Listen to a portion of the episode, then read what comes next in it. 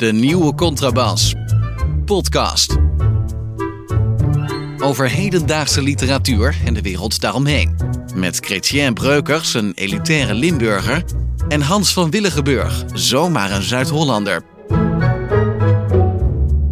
Niet te veel lachen, Chrétien. Dat is toch een kritiek op ons, dat we te veel lachen? Ja, we zijn te grappig, ja. Nee, we lachen te veel, uh, Chrétien. Ja, ik eh, lach nooit, Hans. Behalve als ik met jou ben. Dan lach ik me kapot. Dus het is uh, dat mensen dan maar lekker klagen. Ik lach lekker een uurtje per week. Mag ik? Hè? Ja, want we, krijgen niet, we, krijgen, we hebben niet zo'n heel vocale uh, luisteraarsgroep. Ik bedoel, je moet eerst op een, een. Ze zullen niet zo snel in de, in de pen klimmen of in de mail. Nee, je moet ze het boek al afpakken en dan door midden scheuren voordat ze piepen. Zeg maar. nee, ja. Dan pas hoor ze klagen. Ja. Maar, maar er komt af en toe iets door van jullie zijn te grappig of jullie lachen te veel. Maar goed. Ja. Nou, jammer dan. Dan luister je maar naar een andere podcast. Als je, dan ga je maar naar Boekenstein en de Wijk. Als je, als je niet wil lachen. Ja, toch? Doei. Tot later. Ja, of je, als je wil huilen, ja, precies. Ja. Dus. Nou, we gaan, we gaan gelijk wat mij betreft van start uh, met... Um, uh, behalve dat ik natuurlijk een beetje de literaire actualiteit in de kader van, dit, uh, van deze podcast probeer te volgen... Uh, volg ik jou natuurlijk ook. En jij volgt mij misschien een heel klein beetje. Ja, en ik probeer ik, het niet te doen, want ik word altijd een beetje. Ik kan niet tegen politieke tweets, Hans. Dus bij jou raak ik. Ja, maar ik volg jou dan af en toe. Dan, en, dan zie, en, en daar moet ik je nu in de podcast. Maar ja, goed, het is een co-productie tussen ons samen, inclusief Erik. Dus ik kan er niet omheen. Uh, Marion Bloem die heeft de Constantijns Huygensprijs gewonnen. Oh, ja. uh, als, als ik het goed heb. En ik zag jou uh, heel uh, fanatiek, uh, of tenminste het redelijk beslist, of rigoureus, ingrijpen. In die zin dat je zei van, ja, dat is voor een oeuvre, maar Marion Bloem schijnt een oeuvre te hebben. Jij ziet dat niet. Nee, dat is ook niet waar. Nee, kijk, ze heeft een stapel boeken geschreven. Maar dat zijn allemaal ontzettende kitschboekjes met vreselijke zinnen erin. En het ene boek nog erger dan het andere. En dat is geen oeuvre. Dat heeft niks met een oeuvre te maken. Dat het een prijs heeft gehad, is een, dat is een godswonder. En dat is alleen maar te verklaren uit een soort uh, samenwerking tussen uh, kwade geesten en Tempodulu of zoiets. Uh, maar nee, dat is geen oeuvre, Hans. Vind je wel? ik ken het werk van Marion Bloem okay, niet. Ik, ik heb ben er nooit een romans gelezen. Nou, dat is echt niet te doen. Oké, okay, dus, dus, dus, Maar ik kreeg meteen ook commentaar. Hè? Was meteen weer, iedereen was aangebrand en niet te genieten toen het gebeurde. -huh. Want ik, ik, kreeg ook van een of andere inkoper op, in een boekhandel. Erik Inkoper noemt hij zich op Twitter. Wat een goede naam is voor een inkoper. Ja, ja. Maar die heet eigenlijk Erik Hoekstra. Die werkt in Enschede, geloof ik. Of in, of in een van die dorpen. En daar uh, is die inkoper. En die verkoopt natuurlijk veel Marion Bloem. Dus die begon meteen. Oh, het is de contrabas zeker ontgaan dat Marion Bloem een oeuvre heeft. Weet je wel, die venijnige, half uh, passief-agressieve toon die ja. waren soms kunnen ja. Ja, maar het, het, roept wel de vraag op, nog even afrondend. Uh, wanneer, wanneer is er sprake in jouw oog van een oeuvre? W wanneer ben je oeuvre waardig? Uh, nou ja, je moet om te beginnen. Aan één voorwaarde heeft Marion Bloem wel voldaan. En dat is dat ze veel boeken heeft geschreven. Mm -hmm. Dus je moet een oeuvre hebben, dat moet, moet een zeker gewicht hebben. Hè? Dat moet een zeker volume hebben. Maar als je daarin in dat oeuvre alleen maar uh, cliché-achtige verhaaltjes ophangt en geen literaire boeken schrijft, dan hoef je geen literaire oeuvreprijs te krijgen. Dan moet je okay. Vrouwenboekenprijs, de Libellenprijs of zo. Dat zou echt iets voor Marjan Bloem zijn geweest. nou ja, ik bedoel, wat heeft dat met literatuur te maken? Dus waarom geef je dit een literaire ja. prijs? Wat is dat voor raars? Ik ga, ik ga hier in die zin nog even nog één keertje op door, want anders zou ik door zijn gegaan. Is dat ik onlangs een interview hield met een, uh, met een schrijver. En die zei: uh, Ik laat nog even in het midden wie dat was. En die zei: uh, Ik loop al. Ja, nee, oké, okay, misschien kom ik daar zo nog wel, wel mee. hij, hij is auteur. Nou, oké. Okay, hij is onder andere auteur van, van de succesvolle boeken Grijp en Kieft. En ah. hij zei: ik heb na uh, uh, 54 jaar uh, levensjaren heb ik nog steeds niet iemand ontmoet die mij kan uitleggen wat literatuur is. Maar misschien moet, nee. jij, je daar, moet jij je daar dan mee gaan, gaan bezighouden. Ja, omdat... ja, dat is, het is heel moeilijk om uit te leggen wat literatuur is, maar er is wel iets over te zeggen. En dat is het volgende: dat ehm, als je iets doet met de taal en het verhaal, dus als je blijk geeft van enige taalkunst en ook nog een verhaal zo weer te vertellen dat het op een andere manier gebeurt dan doorsnee dan heb je uh, al kans dat je uh, iets meer literatuur schrijft dan andere mensen. Die, die auteur van Grijp en Kief, dus Michel of Michiel van Egmond, of weet hij? Michel van Egmond, ja. Die kan bijvoorbeeld ontzettend goed schrijven. Die kan echt een. kijk, als iemand een verhaal over Grijp kan schrijven, dan is het hij. hij is, is hij het wel. die prachtige manier om droog te noteren dat is, hij heeft echt een hele goede vorm gevonden om dat te doen.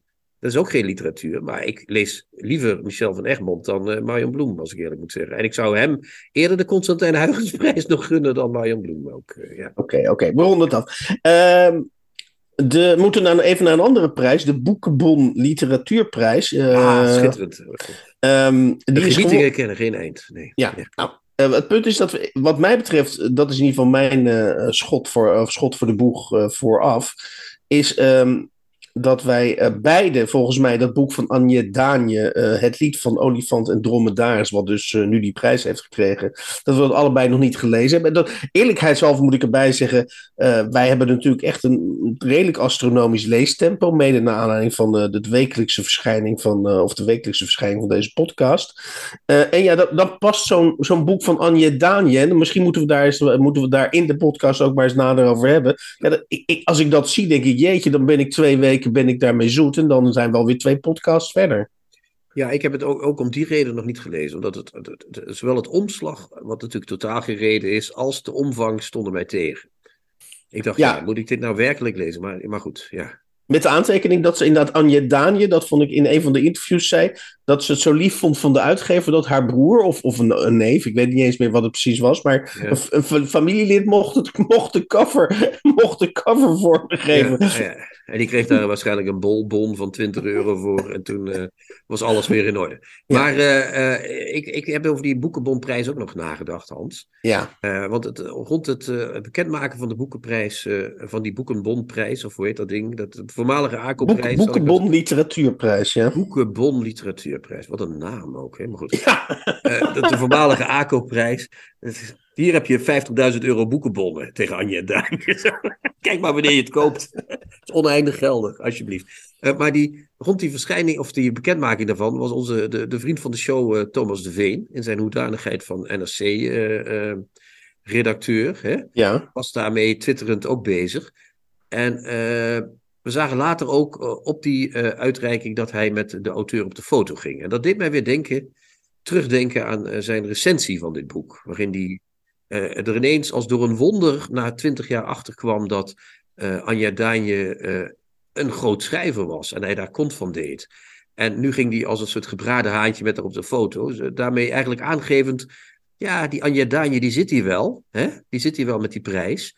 Maar ik, Thomas de Veen, ben hier degene die dat bepaalt. En wat ik nog steeds vind, en al vaker gezegd heb, is dat Thomas de Veen door die recensie een paar jaar geleden, waarin hij ook nog passage een klein uitgevertje noemde, uh, eigenlijk een brevet van onvermogen heeft gegeven. Daarmee zegt hij: Ik heb dat in die tien jaar dat ik recensies schrijf nog niet gezien, die auteur.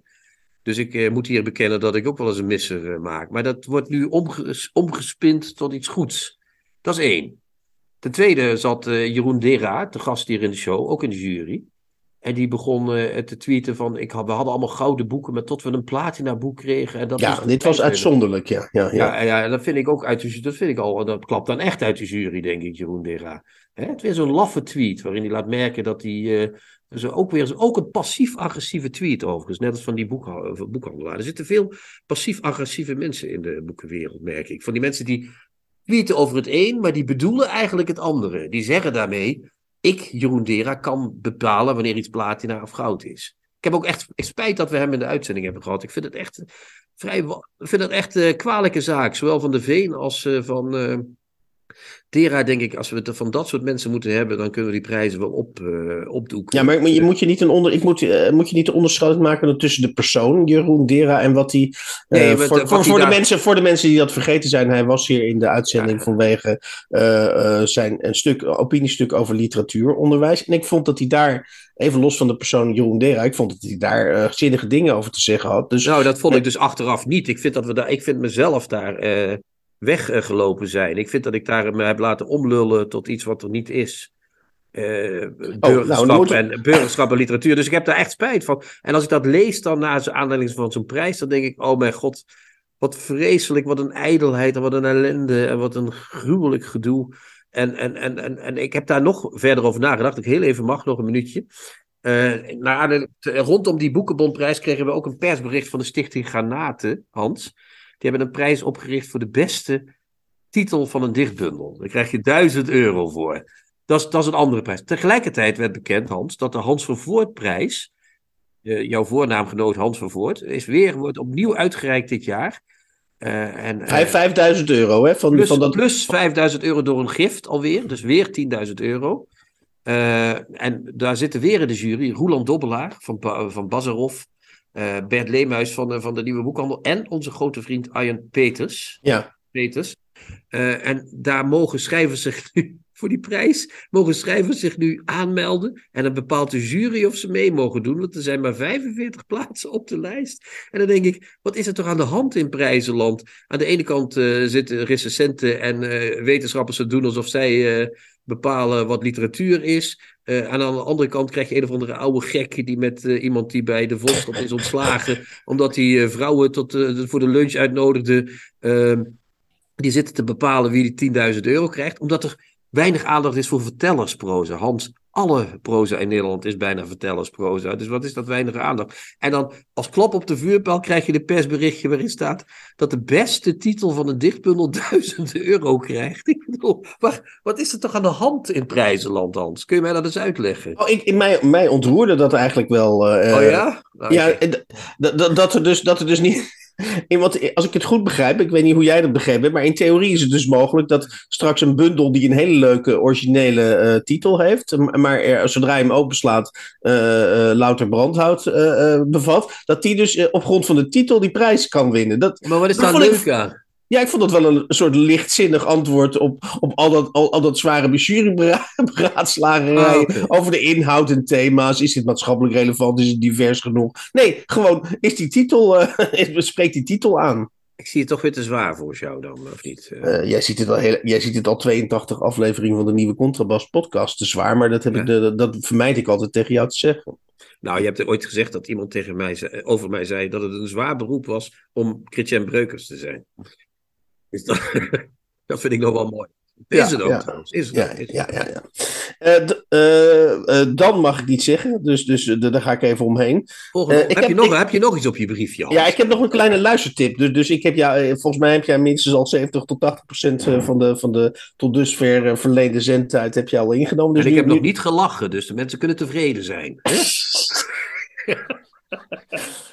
ik heb een luistertip tot slot. Um, uh, op 5 oktober uh, had je dat, heb ik geluisterd, uh, dat doe ik bijna nooit meer, want sinds Martin Ros en Arie Storm geen, geen radiorecensent en literatuurrecensent ten, ten, sorry, meer zijn, luister ik in principe zelden meer naar dat programma en valt het me op hoe, hoe ontzettend uh, in, in kwaliteit dat is afgenomen. En onder Blom tegenwoordig. Hè? Ja, dat, dat, het is allemaal even erg. Maar Corrupt, corrupte onder Blom. Ja. ja. op 5 november hadden we Liedewijde Paris. Oh ja. En, uh, uh, en Liedewijde Paris. En dat moet je echt, mensen die. Of, of, dat moet je echt even terugluisteren, dat fragment. Waarom moet je dat terugluisteren? Uh, Liedewijde Paris, ik, ik ken haar niet persoonlijk. Ze zal ongetwijfeld heel, die taak om uh, in een paar minuten zendtijd uh, iets over literatuur te zeggen, zal ze ongetwijfeld heel serieus nemen. Ze zal die boeken van A tot Z gelezen hebben. Maar wat je dan krijgt, en dat hoorde je dus op 5 november in Optima Forma, is dan dat ze, dat ze een vraag krijgt en dat ze dan bij zichzelf de knop indrukt en in, in een soort heel raar soort staccato drie boeken, de inhoud van drie boeken over je uitstort.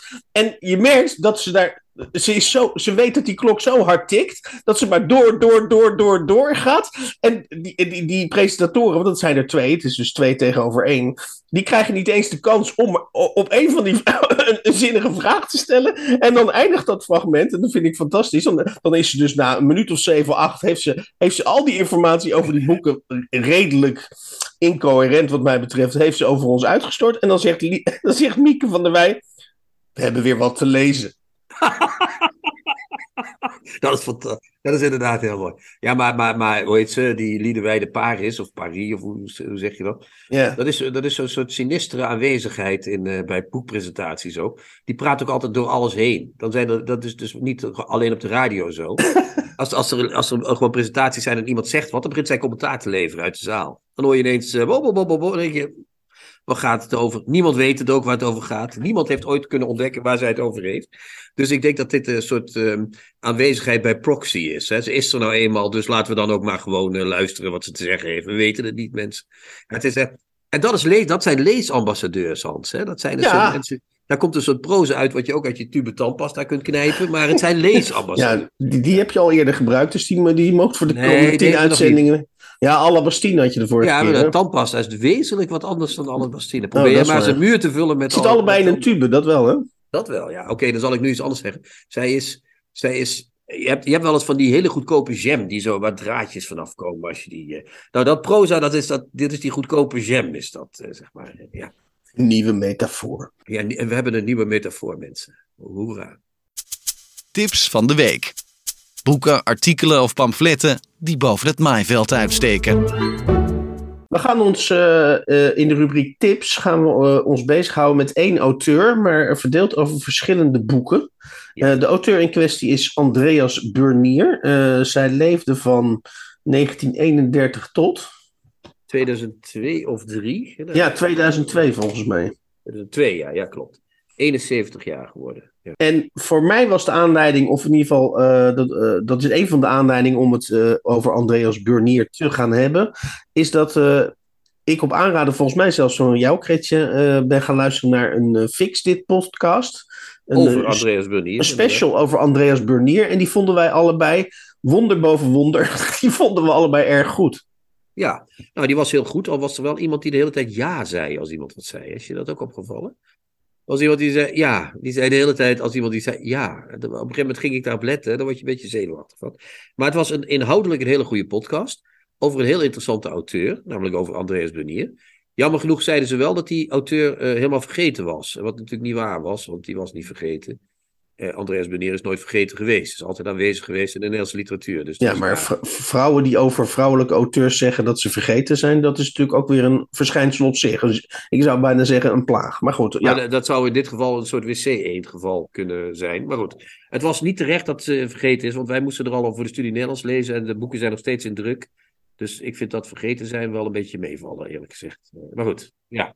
En twee boeken uh, die zijn uh, vanuit Atlas Contact keurig naar ons opgestuurd. Uh, dat is, en die zijn dus opnieuw uitgegeven. Ik vind dat ze ook heel mooi zijn opnieuw zijn uitgegeven. dat zijn de twee boeken Het Jongensuur en Een Tevreden Lach. Ja, en Een Tevreden Lach is haar debuut uit 1965. En uh, uh, zoals meestal loop ik een beetje achter op jou, Kretje. In de zin dat jij, jij kende het werk van Andreas Burnier al uh, uitgebreid. En ik, ik had het nog nooit gelezen. Ik, ik ken haar wel maar, van naam. Maar ik, ik had dus nog nooit iets van haar gelezen. En ik moet zeggen, ik was heel erg prettig verrast door, door wat ik gelezen heb. Ik heb eerst een tevreden lach gelezen.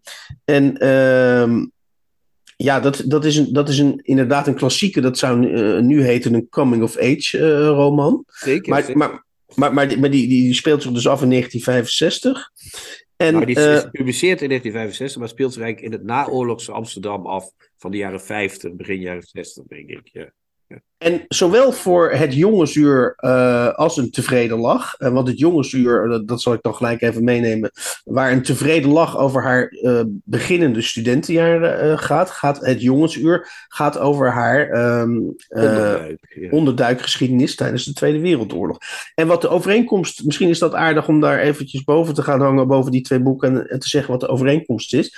In beide boeken beweegt de hoofdpersoon Simone, want die heet volgens mij in beide gevallen hetzelfde. Ja. Uh, die beweegt zich in, heel rap tempo. Het zijn geen dikke boeken. Dat vind ik trouwens ook een heel groot uh, pre van, uh, van deze twee boeken.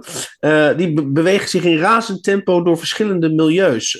dus in, in, in uh, in haar boek Een tevreden lach is dat uh, onder andere het uitgeversmilieu, het, het rijkeluismilieu, maar ook het armoedzaaiersmilieu. Dus, en, en ook het kroegmilieu, want ze, het speelt zich af volgens mij grotendeels in de Jordaan. Dus uh, de gewone mensen komen er ook ruimhartig aan bod.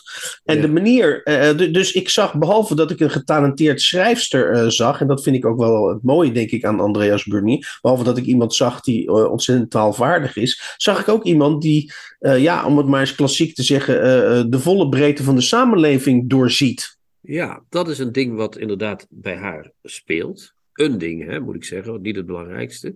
Mhm. -huh. als ik boven de boeken gehangen zie ik behalve dat ook iemand die, en dat is wonderlijk modern, altijd bezig is met wat is mijn identiteit? -huh. wie, wie, ben ik? Ben ik man of vrouw? Ben ik wel een jood? Ben ik een ander, van een ander geloof? Moet ik wel of niet schrijver worden? Het zijn identiteitsromans ook, hè? Vind je niet? Ja, nee, dat ze daarom ook door die hele maatschappelijke uh, lagen heen kan uh, fietsen. Ja, en wat ik zo mooi. Ja, ik ben het helemaal met je eens. En wat ik zo mooi vind aan hoe zij die verschillende milieus beschrijft, is dat het is natuurlijk heel makkelijk om je tegen milieus af te zetten. Of, of, of van een milieu te zeggen, nou, dat bevalt me niet of dat irriteert me. Maar wat zij doet, is dat zij uh, zich inderdaad in die milieus beweegt. En bijna als een soort wetenschapper de gebruiken en, en, van, die, van die verschillende milieus in kaart brengt. En daar ook soms aan meedoet. Hè? Zoals wat in die onderduik, wat trouwens ook heel mooi is. Dat boek wordt terug in de tijd geschreven, uh, ja. het? Dat gaat van 45 naar 40. Dat gaat van het einde van de oorlog naar het begin van de onderduik. Uh, een soort afdaling naar het begin, zal ik maar zeggen. Uh, ben ik even kwijt. oh ja, dat ze dus ook in dat onderduik maakt ze, ze, ze, wordt als, ze wordt als Joods meisje de onderduik ingestuurd. Maar daar begint ze zich ook al af te vragen: kan ik beter een jongen zijn? Dat is misschien makkelijker, dan mag ik meer. Maar ook daar uh, wordt ze pas echt uh, geconfronteerd met andere geloven. Dus zij is joods, maar dat weet ze eigenlijk nauwelijks nog als vier, vijfjarige. Uh Nou ja, negenjarige is ze daar dan dus, als, ze als het hetzelfde is als Bernier. Uh, maar wat, die mensen zijn vaak christelijk of ander gelovig. En die, die hebben heel andere gewoonten dan zij thuis had. Dus zij wordt daar al heel erg geconfronteerd met van, ja, ik ben wel dit gewend, maar is dat niet veel is dat niet ook mogelijk? Kan ik dat niet ook worden? Zou ik dat niet ook kunnen zijn? En wat heel eigen tijds is, wat heel eigen tijds is, nog even los van dat identiteitsissue, wat natuurlijk ook midden in deze tijd staat, is dat ze in, in die onderduikroman, uh, uh, Het Jongensuur dus, dat ze dus ook inderdaad uh, niet alleen in stedelijke omgeving, want ze zitten dus op verschillende onderduikadressen. Ze moeten verschillende keren naar verschillende adressen vluchten ja, om, uit de, om, uit de, handen van, uh, van, de, van de Duitsers te blijven. En wat je dan dus ziet, en dat is natuurlijk een, een heel erg door, door huidige jongeren begeerd ideaal. Namelijk dat je uh, niet vanuit één standpunt de wereld bekijkt. Nee, inderdaad, ze komt ook in dorpen terecht, in agrarische samenlevingen. En, en, en, en, en realiseert zich dat dat evenzeer een deel van de realiteit is dan, dan, dan Amsterdam. En dat beantwoordt natuurlijk heel erg aan het idee dat je van ja, een soort compleet mens, of een, je zou nu zeggen, een geheeld of ja, dat zijn allemaal vreselijke termen. Maar uh, uh, iemand dus die zonder vooroordelen, om het dan zo maar eens te zeggen, uh, die wereld op zich laat inwerken. Ja, dat is bij Bernier, en dat komt ook in die biografie van Elisabeth Lockhorn terug. Metselaar, Andreas Bernier, Metselaar van de Wereld, heet dat boek. -hmm. daarin blijkt ook dat Bernier, als Jood geboren, Joodse vrouw geboren, later weer terugkeren naar het Joodse geloof. Maar inderdaad, wat jij zegt, ze heeft altijd de wereld heel open op zich laten inwerken. Dus ze is altijd bezig geweest met hoe uh, uh, is mijn plek, dat is één. Maar ook alles wat op mij afkomt, hoe verwerk ik dat? Hoe ga ik mm -hmm. daarmee om? Dus geen starre figuur. En dat zie je in die boeken ook al. Hè? Dat zijn vlottende boeken, zou je kunnen zeggen. Dat zijn niet boeken die geschreven zijn vanuit uh, een soort alwetend perspectief. Mm -hmm. het, is mhm. geen, het is geen vertellersproza. Dus de Hans Vervoortprijs zou ze niet gewonnen hebben, Hans. Het is echt een intelligent boek. Dat, is, dat kunnen die juryleden natuurlijk niet begrijpen van die prijs. Maar, maar dit is dus dan vooral een tevreden lach. Hè? Daar, daar begint ze ook al. Dat begint dan met uh, dat ze gaat studeren, toch? Mag ik even? Ja, ja, ja tuurlijk, tuurlijk, tuurlijk. Dan komt ze in dat hele milieu van die Castrum uh, Peregrini mensen. Dat is uh, later heel omstreden geworden, want daar zat die dichter die Frommel heette. Ja, mooie naam.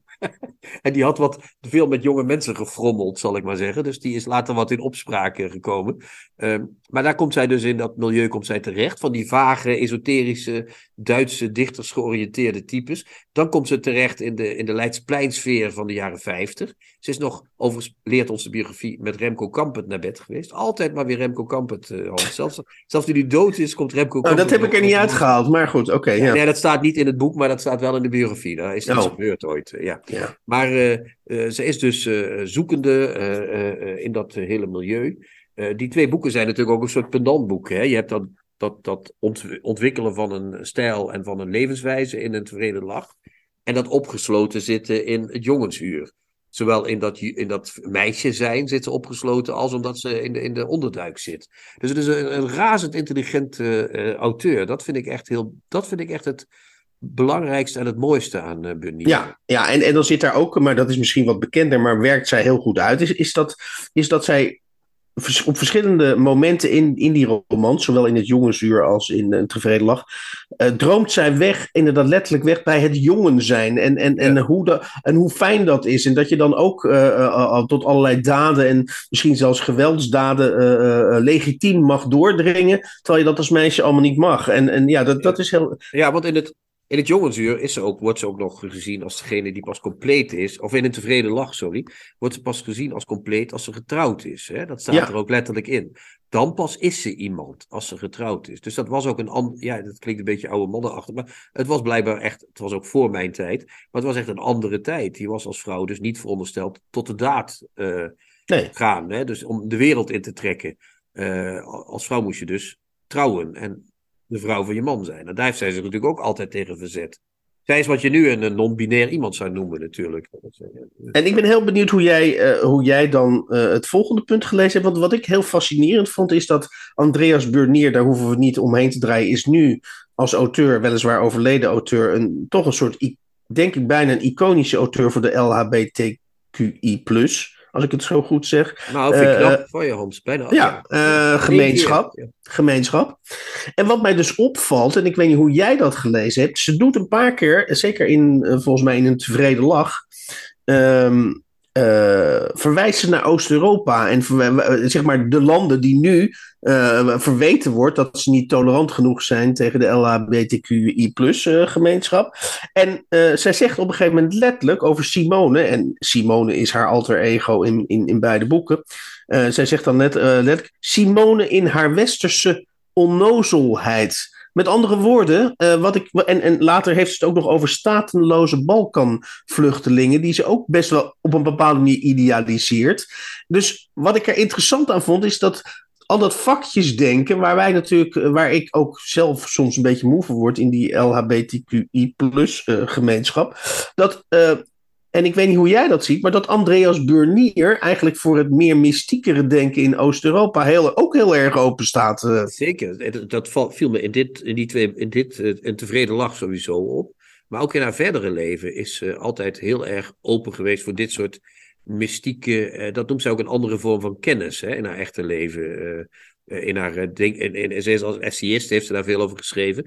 Uh, zij, vindt, zij had ook onderwerpen, of ze had ook meningen over bijvoorbeeld euthanasie en abortus, die niet meteen in lijn waren met de linkse beweging, zal ik maar zeggen. Zij was niet iemand die zich. Ze was weliswaar. Ze is een icoon, zonder meer. Ze is een enorme denkende auteur, maar ze was niet iemand die meedacht met de massa. Uh, Absoluut niet. Dus ze heeft daar, dat, dat zat er dus al vroeg in. In het debuut staat het al. En in de rest van haar leven heeft ze dat ook uitgewerkt. Ze was ja. niet iemand die zei: Al euthanasie, weet je wel, spuit je erin en weg ermee. Precies. Dat, uh, dat deed ze niet aan. Dus, nee. dus uh, zonder het nodeloos politiek te willen maken, zou ik tegen, tegen de LHBTQI plus gemeenschap willen zeggen: Lees Andreas Burnier. Dan ga je misschien ook iets anders nadenken over Oost-Europa, waar, je, waar ja, vermeende uh, kwalijkheden uh, jegens minderheden worden begaan. Ja, ik denk dat zij dat toch meer als een soort kennis van het Oosten zag.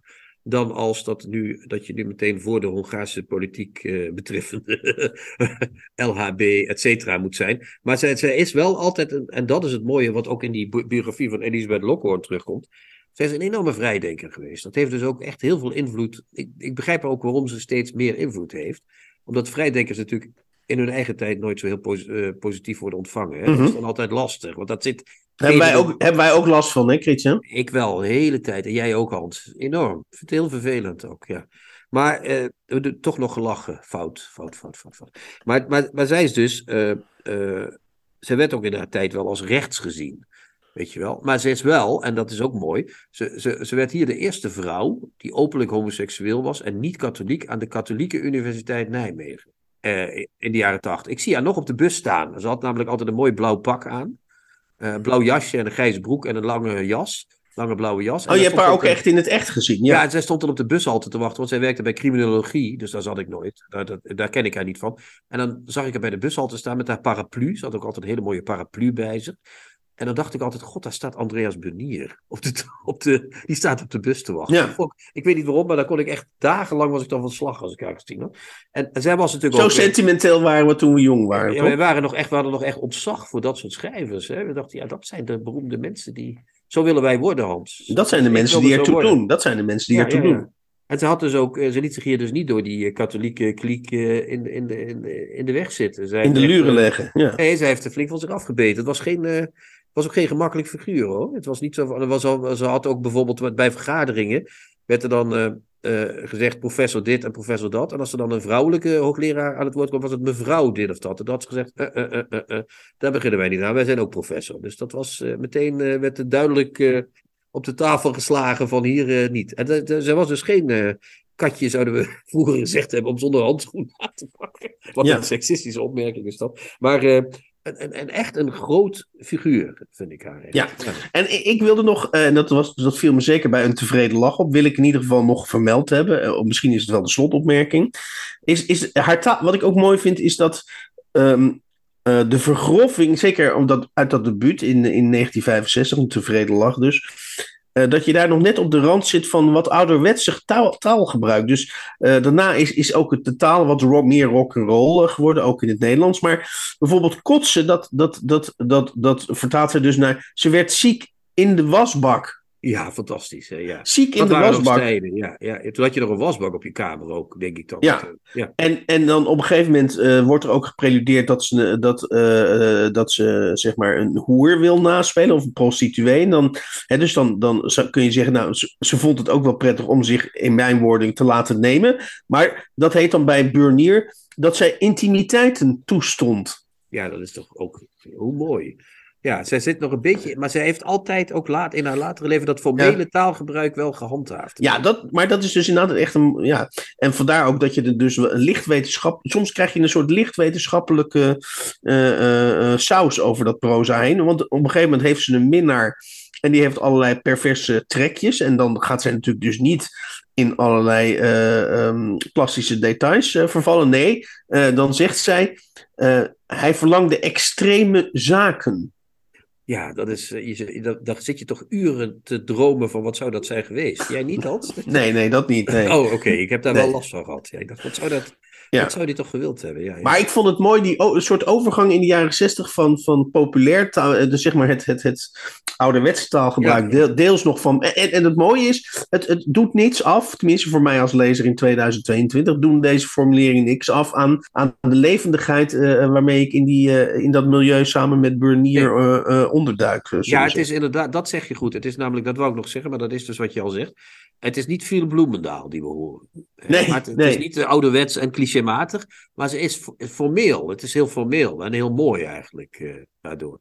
Ik heb nog één, één toevoeging, omdat we dus nu de revival van uh, Andreas Bernier, die geen revival is, maar gewoon een doorleving van het werk, uh, moeten we even compleet doen. Het, het, boek noemen Andreas Bernier, Elk boek is een gevaar. in de privédomein verschenen, privédomeinreeks, samengesteld en ingeleid door Ronit Palach die heeft eerder ook boeken over. Ze, ze schijnt toch echt Palache te heten hoor. Maar goed, sorry, excuseer. Ja, nou, nou ja, en hoe ze ook heet, die heeft het samengesteld. Ze heeft eerder boeken gemaakt over uh, Isha Meijer en over Renata Rubinstein. Hè? Ja, mooi uh, gedaan, goed gedaan. Uh, goed gedaan. En dit is ook weer goed gedaan.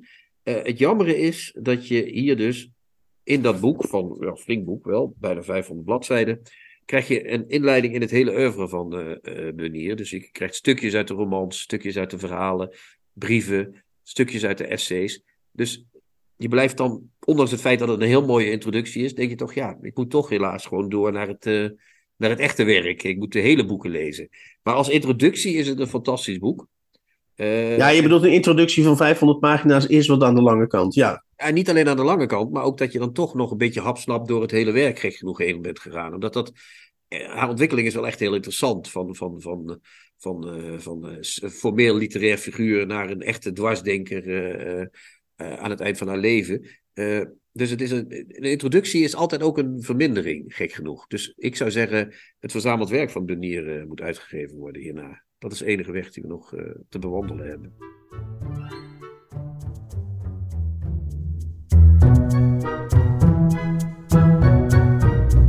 De nieuwe contrabas. Podcast. We hebben te gast Robert Vernooy. Uh, Robert Vernooy was uh, ooit een van de young and upcoming uh, writers van Nederland. viel in 2000 een beetje stil en kwam dit jaar met een boek Van de weg naar de straat. Krijgskunst als levenskunst. Dat was jouw eerste boek in, als ik goed heb gezien, 22 jaar, Robert, of niet? Ja. En, geen, en geen literair boek meer. Ja, dat, dat, dat hangt er vanaf. Hoe je literatuur uh, definieert. Ik probeer nog steeds, wat ik altijd heb geprobeerd, om het zo mooi mogelijk op te schrijven, stilistisch. Uh, ja, essay, het is denk ik eerder essayistiek, maar essayistiek is natuurlijk ook een literair genre. Het is geen roman, dat is het niet. Nee. Dat is het niet, dat was me ook al opgevallen. wat ik wel boeiend vind, is die twintig jaar stilte. als schrijver dan in ieder geval, want als vertaler heb ik je heel vaak zien opduiken. Eh, was dat uh, ja, het beroemde writersblok of was dat wat anders? Uh, laten we dat meteen maar uit de weg helpen, deze kwestie. Ja. ja, nee, dat is wat ik mijn pedagogische pauze noem. In, in 2000 werd mijn zoon geboren. En ja, ik zeg altijd, ik werd van het schrijven niet, niet rijk of beroemd. Dus ik, het ontbrak mij een beetje aan legitimatie om dan te zeggen: stil, papa moet zich concentreren, hij doet heel belangrijk werk. Uh, ja. Dus uh, uh, ja, en ik vond dat ik er ook echt, toen ik eenmaal met enige moeite de keuze had gemaakt om een kind te krijgen, dat ik er ook echt voor dat kind moest zijn. Maar ja, op een gegeven moment gaat, gaat zo'n kind snuiven, slikken en op eigen benen staan. En dat uh, schept voor mij dan weer een beetje de vrijheid uh, om mijn eigen weg te gaan. Ja. Uh, dus ik denk dat het zo vijf, zes jaar geleden is dat ik van de losse aantekeningen weer dacht van ik moet daar wat meer vorm aan geven.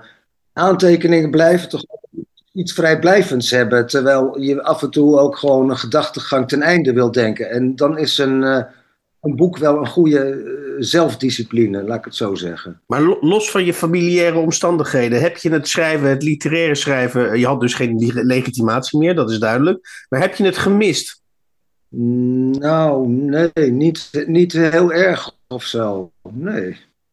Nee, er, er, komen andere dingen voor in de plaats. Ik, uh, ik ben me meer gaan toeleggen op de, de kookkunst en op de krijgskunst. Uh, uh, ik ben meer piano gaan spelen. Ik heb altijd verschillende uitwegen gezocht voor mijn uh, creatieve neigingen. Dus als er ergens een gaatje valt, doe ik gewoon wat anders. Als ik op het ene vlak geen inspiratie heb, dan zoek ik het wel op het andere vlak. Nou, die krijgskunst is een mooi bruggetje. Dat geef je zelf al. Uh, dit boek is een uh, persoonlijk verslag van jouw ervaringen met de krijgskunst als levenskunst, als ik het zo mag zeggen. wanneer mhm. ben je, je bent ooit begonnen met de krijgskunst, blijkbaar. Want dan ben, je bent een actief beoefenaar, dat schrijf je zelf ook. Met, uh, je doet aan karate, hè? zeg ik dat goed of niet? Uh, ja, ja, ja. ja ik, ik, ben net terug van de, van de ochtendtraining. Dat is meestal op zondagochtend. Dus, uh, okay, dus ik zit nog een beetje mis, maar dan met, te dampen.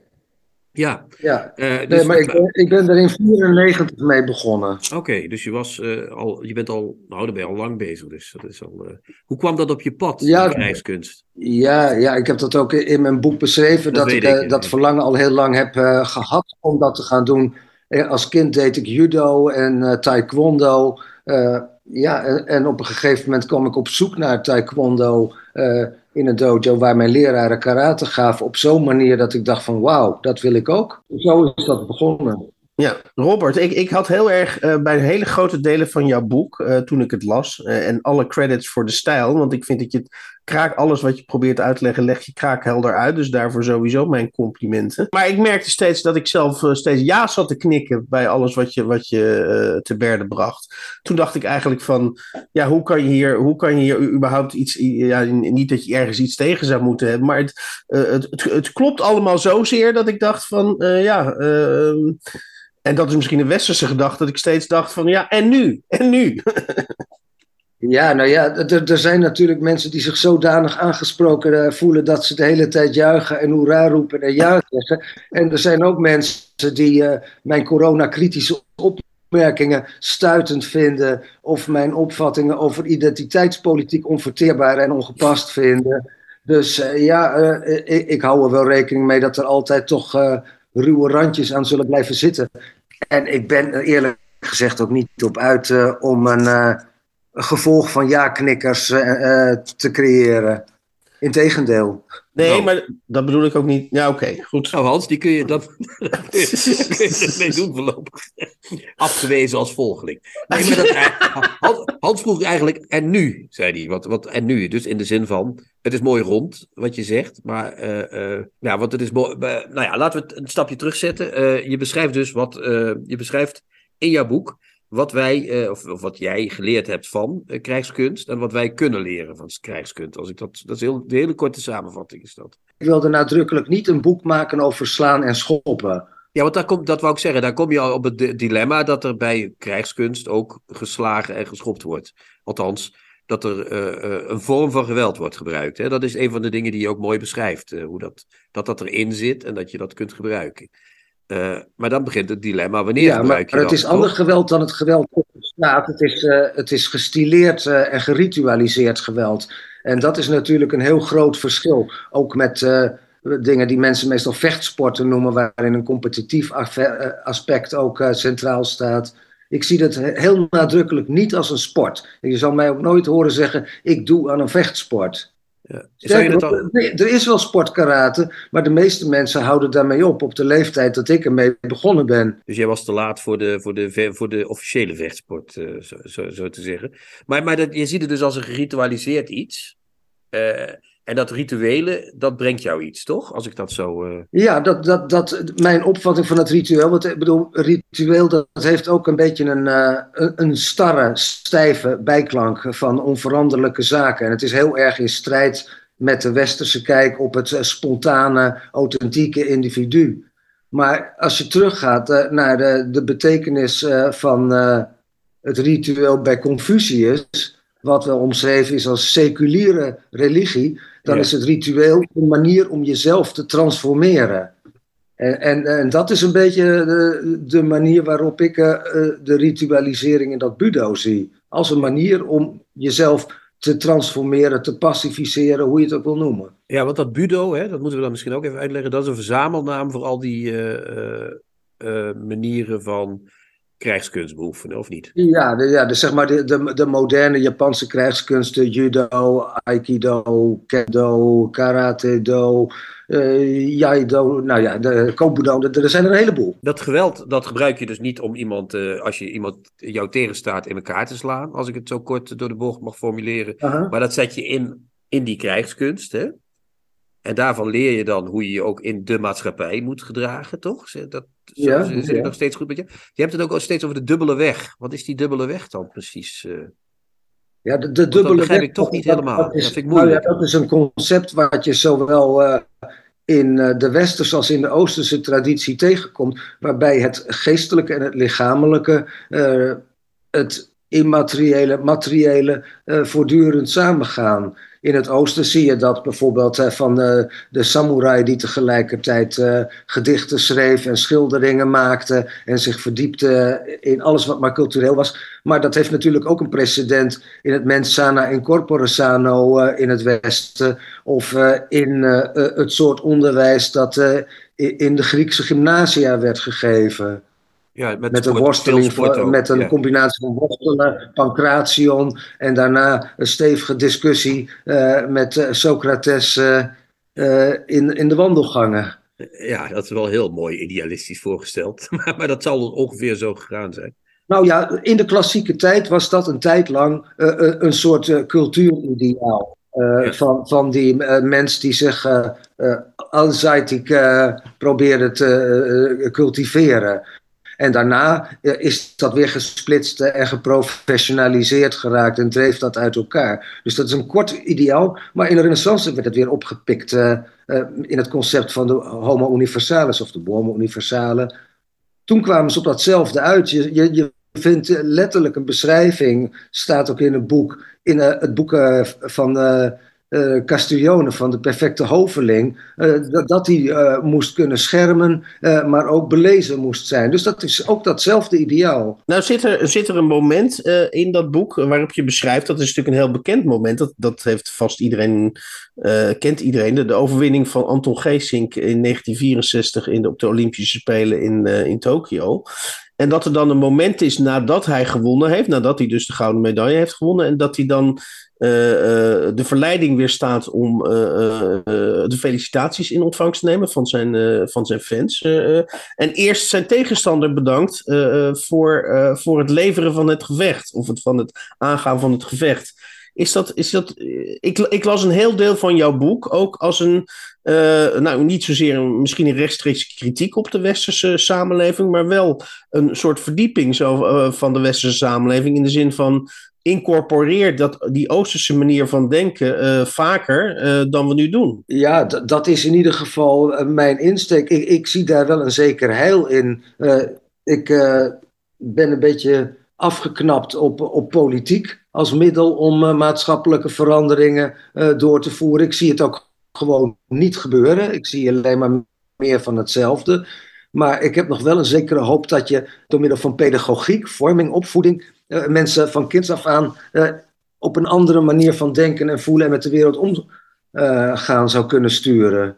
En zou, zou dat ook betekenen, eh, wat jou betreft, dat, dat je krijgskunst, eh, zoals jij dat, zeg maar, jouw kennis daarover in dit boek beschikbaar stelt, dat dat vast onderdeel, noem maar iets heel prozaïs, vast onderdeel van het curriculum zou, zou moeten worden?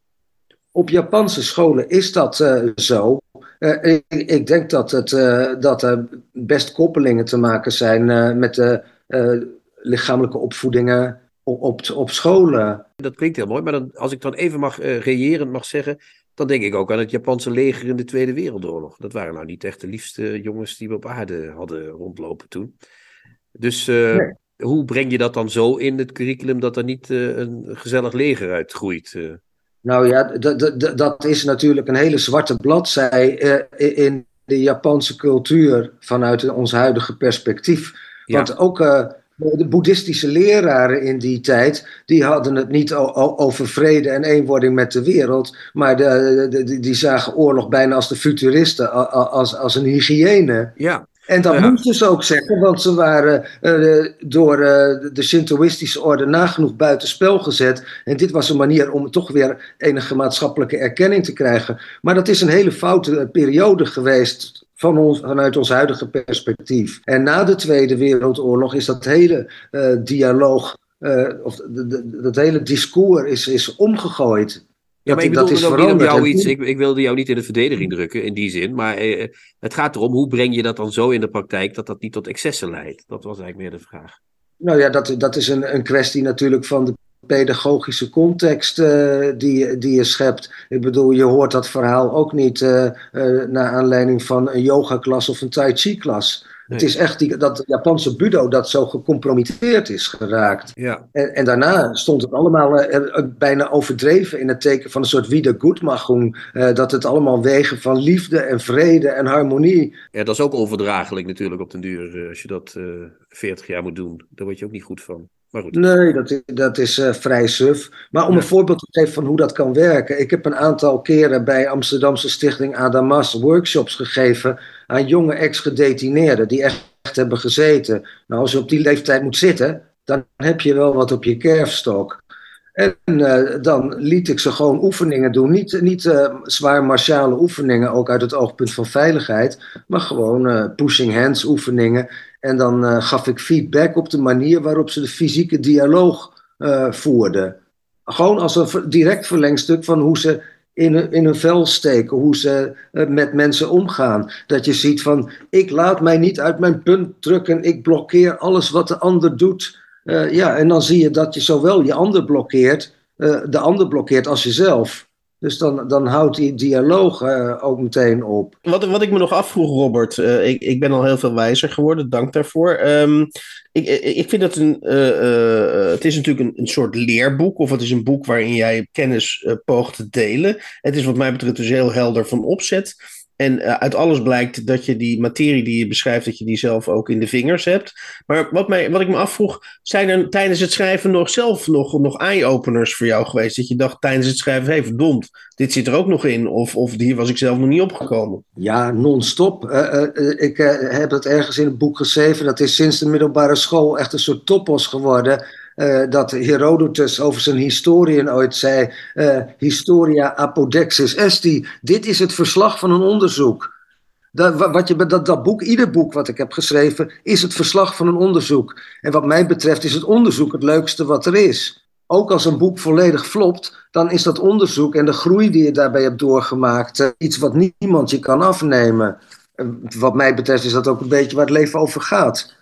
En zeker in dat stuk over de dubbele weg, uh, daar had ik allemaal, toen ik eraan begon, allerlei concepties over uh, die hoofdzakelijk invented traditions bleken te zijn en helemaal geen realiteit. Dus ik viel al schrijvend en onderzoekend van de ene verbazing in de andere. Ja, je beschrijft mooi hoe dat in die films wordt gedaan, die tra tradities uitvinden. Dat bedoel je toch, of niet? Dat, dat, ja, ja. ja, ja, ja. Dat men de, de karate case als dit en dat voorstelt, maar eigenlijk is het wat anders, et cetera. Ja, maar vooral beelden over de samurai als de man met het zwaard. terwijl in de actieve periode dat, dat de samurai nog echt op het slagveld vocht, was de, het zwaard hooguit een secundair wapen. Ja. Uh, of het idee dat, dat er een verband zou zijn tussen de samurai-cultuur en het zen-boeddhisme, wat heel omstreden is historisch. Ja, maar dat, dat komt pas recent aan het licht. Maar je zal ze de kost geven, die mensen uh, die nog steeds zeggen: Zen en het zwaard zijn één. Nog, nog, nog wat mij betreft een, een afrondende vraag, tenzij Chrétien er nog eens straks ja, een ik, heeft. Ik heb er eigenlijk ook in, maar misschien niet. Misschien heb jij wel een hele ja. goede vraag, waardoor je niet hebt. Dat weet je niet.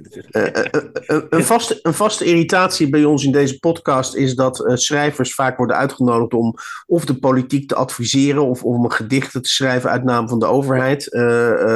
hetgeen in onze ogen vaak tot mislukken gedoemd is en het haalt niks uit. Maar nou kan ik me bij dit boek voorstellen dat je denkt, nou Misschien moeten we toch een aantal bestuurders in Nederland of zo, of een aantal mensen die wat te zeggen hebben, die moeten we toch eigenlijk een gratis exemplaar van dit boek uh, op, opsturen. Misschien gaan ze anders handelen. Geloof je dat? Heeft dat zin? Of zeg je van nee, dat, dat, uh, laat maar zitten, de, mijn boek hoeft daar niet heen? Ja, in het Taoïsme zeggen ze, elke reis begint met de eerste stap en dit zou een eerste stap kunnen zijn. Maar uiteindelijk, de, dat perspectief wat ik zet van belichaamde cognitie het betekent dat het iets is wat je vooral moet doen.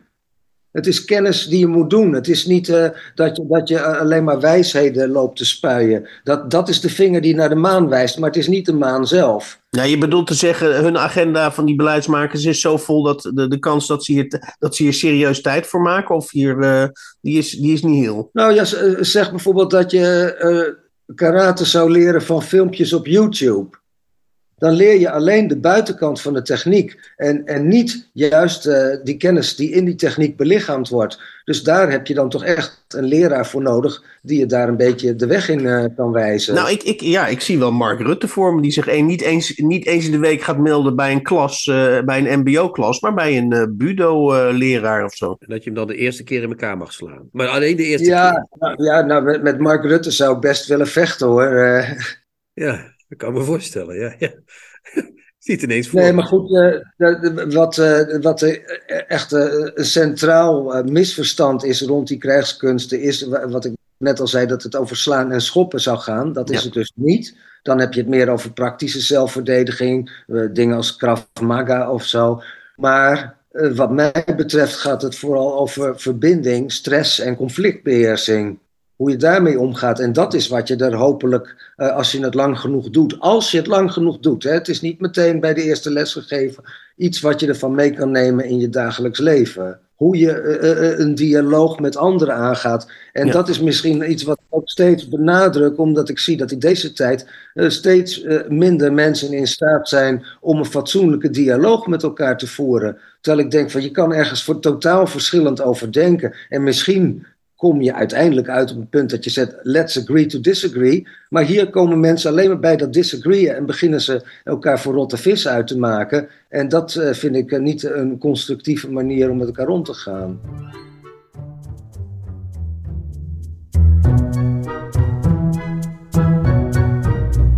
De nieuwe Contrabas. Podcast.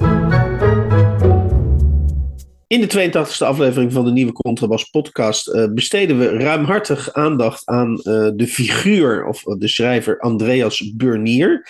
Um, en we bespraken twee ro vroege romans van haar, waaronder haar debuutroman Een tevreden lach uit 1965, verschenen in, in een herdruk dus verschenen bij Atlas Contact.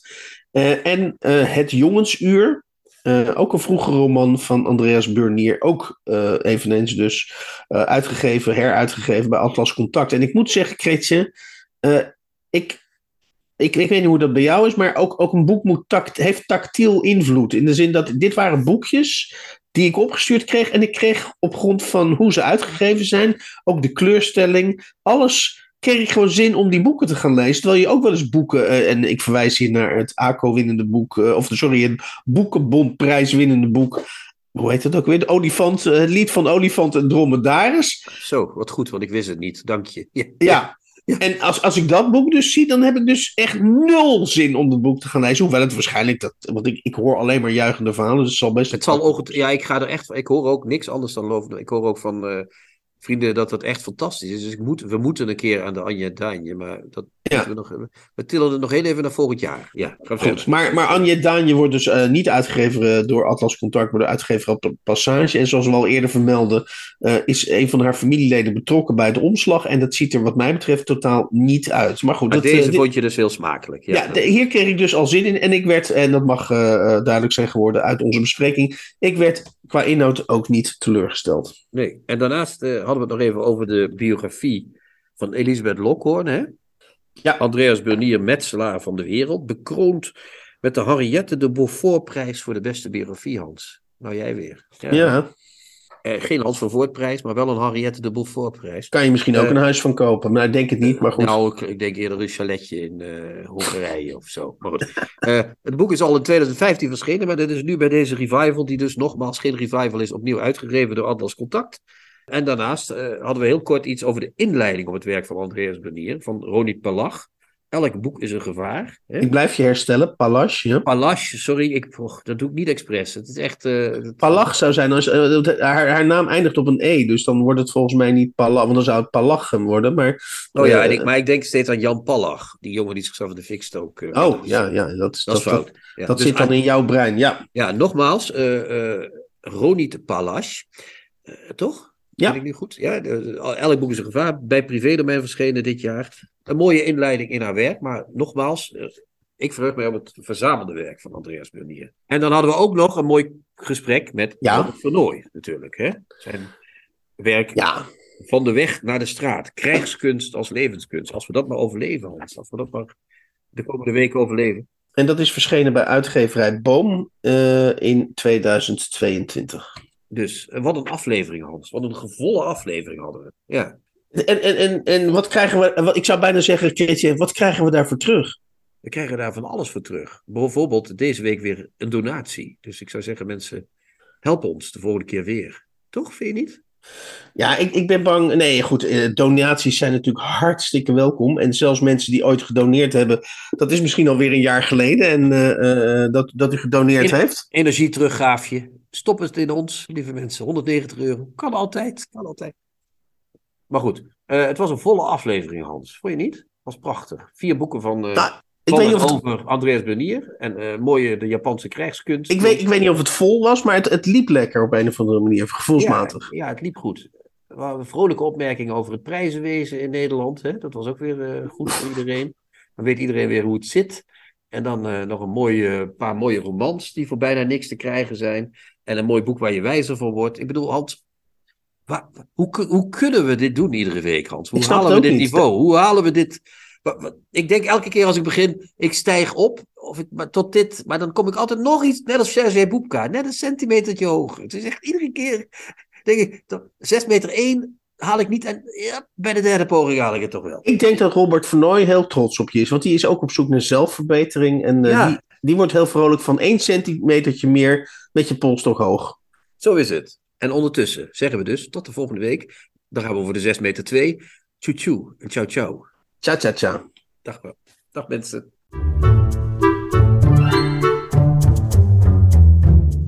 De nieuwe Contrabas podcast wordt gemaakt door Chrétien Breukers, Hans van Willigenburg en Erik Lindenburg. Kijk jij ook elke week uit naar de nieuwe Contrabas podcast? Voeg dan de daad bij het woord en word officieel supporter. Dat kan al vanaf 1 euro per week, oftewel 52 euro per jaar. Draag je ons een heel warm hart toe, dan kun je ook Golden Supporter worden voor 104 euro en Platinum Supporter voor 208 euro per jaar. En wat krijg je daarvoor terug? Dan luister je met nog meer plezier naar ons uitgesproken geluid wekelijks over literatuur. En wat je ook geeft, ga naar gofundme.denieuwecontrabas.blog. Nog één keer? gofundme.denieuwecontrabas.blog. Hup, hup, hup. Hup.